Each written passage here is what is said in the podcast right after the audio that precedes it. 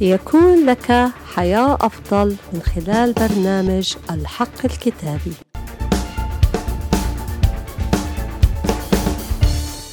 حقيقة اليوم الكتابية بعنوان تنبأ على حياتك بالبركة. كثيرين من الناس يتكلمون بكلام سلبي وهم لا يدركون قوة ونتائج هذا الكلام على حياتهم. كما قيل في أمثال 18 21 الموت والحياة في يد اللسان وأحباؤه يأكلون ثمره.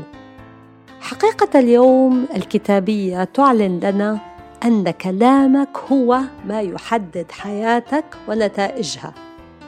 تعلم أن تتكلم بالبركة على حياتك وعلى أولادك وعائلتك يوجد أشخاص من يتكلمون بكلام غضب وهم لا يعلمون بنتائج كلامهم السلبي ثم يتساءلون لماذا حصل هذا الموضوع أو ذاك؟ ولكن لو راجعوا أنفسهم لوجدوا أنهم هم من تنبأوا بهذا الكلام على حياتهم. يوجد آيات رائعة من الكتاب المقدس تعلمنا أن نتكلم بالبركة على حياتنا. في أفسس 4 29 لا تخرج كلمة ردية من أفواهكم بل كل ما كان صالحا للبنيان حسب الحاجة كي يعطي نعمة للسامعين. أيضا في فيليبي 4 8 أخيرا أيها الإخوة كل ما هو حق كل ما هو جليل كل ما هو عادل كل ما هو طاهر كل ما هو مسر كل ما صيته حسن إن كانت فضيلة وإن كان مدح ففي هذا افتكروا.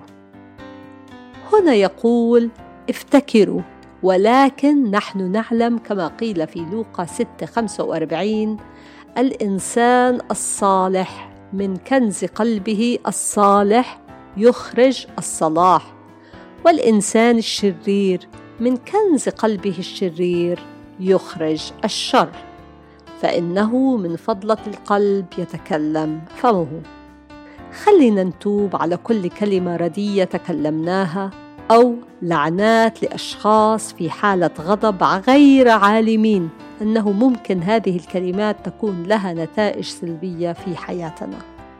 صلي معي. يا رب يسوع سامحني على ضعفي على كل كلماتي السلبية. أنا بتوب عنها وراح أغير اتجاه حياتي إلى كلمات بركة لحياتي ولمن هم من حولي.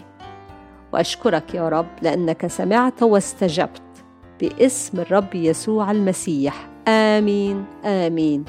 يبارككم الرب في حلقة جديدة من برنامج الحق الكتابي.